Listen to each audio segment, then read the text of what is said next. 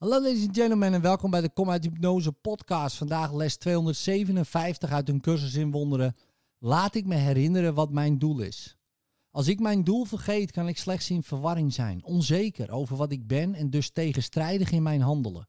Niemand kan strijdige doelen dienen en dat met goed gevolg doen. Evenmin kan hij functioneren zonder diepe smart en hevige depressie.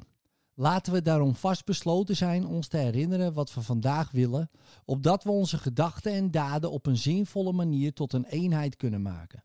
En alleen dat bereiken wat God ons deze dag wil laten doen. Vader, vergeving is uw uitverkoren middel voor onze verlossing. Laten we vandaag niet vergeten dat we geen andere wil kunnen hebben dan die van u. En dus moet ons doel tevens het uwe zijn. Willen we de vrede bereiken die u voor ons wilt. In liefde, tot morgen.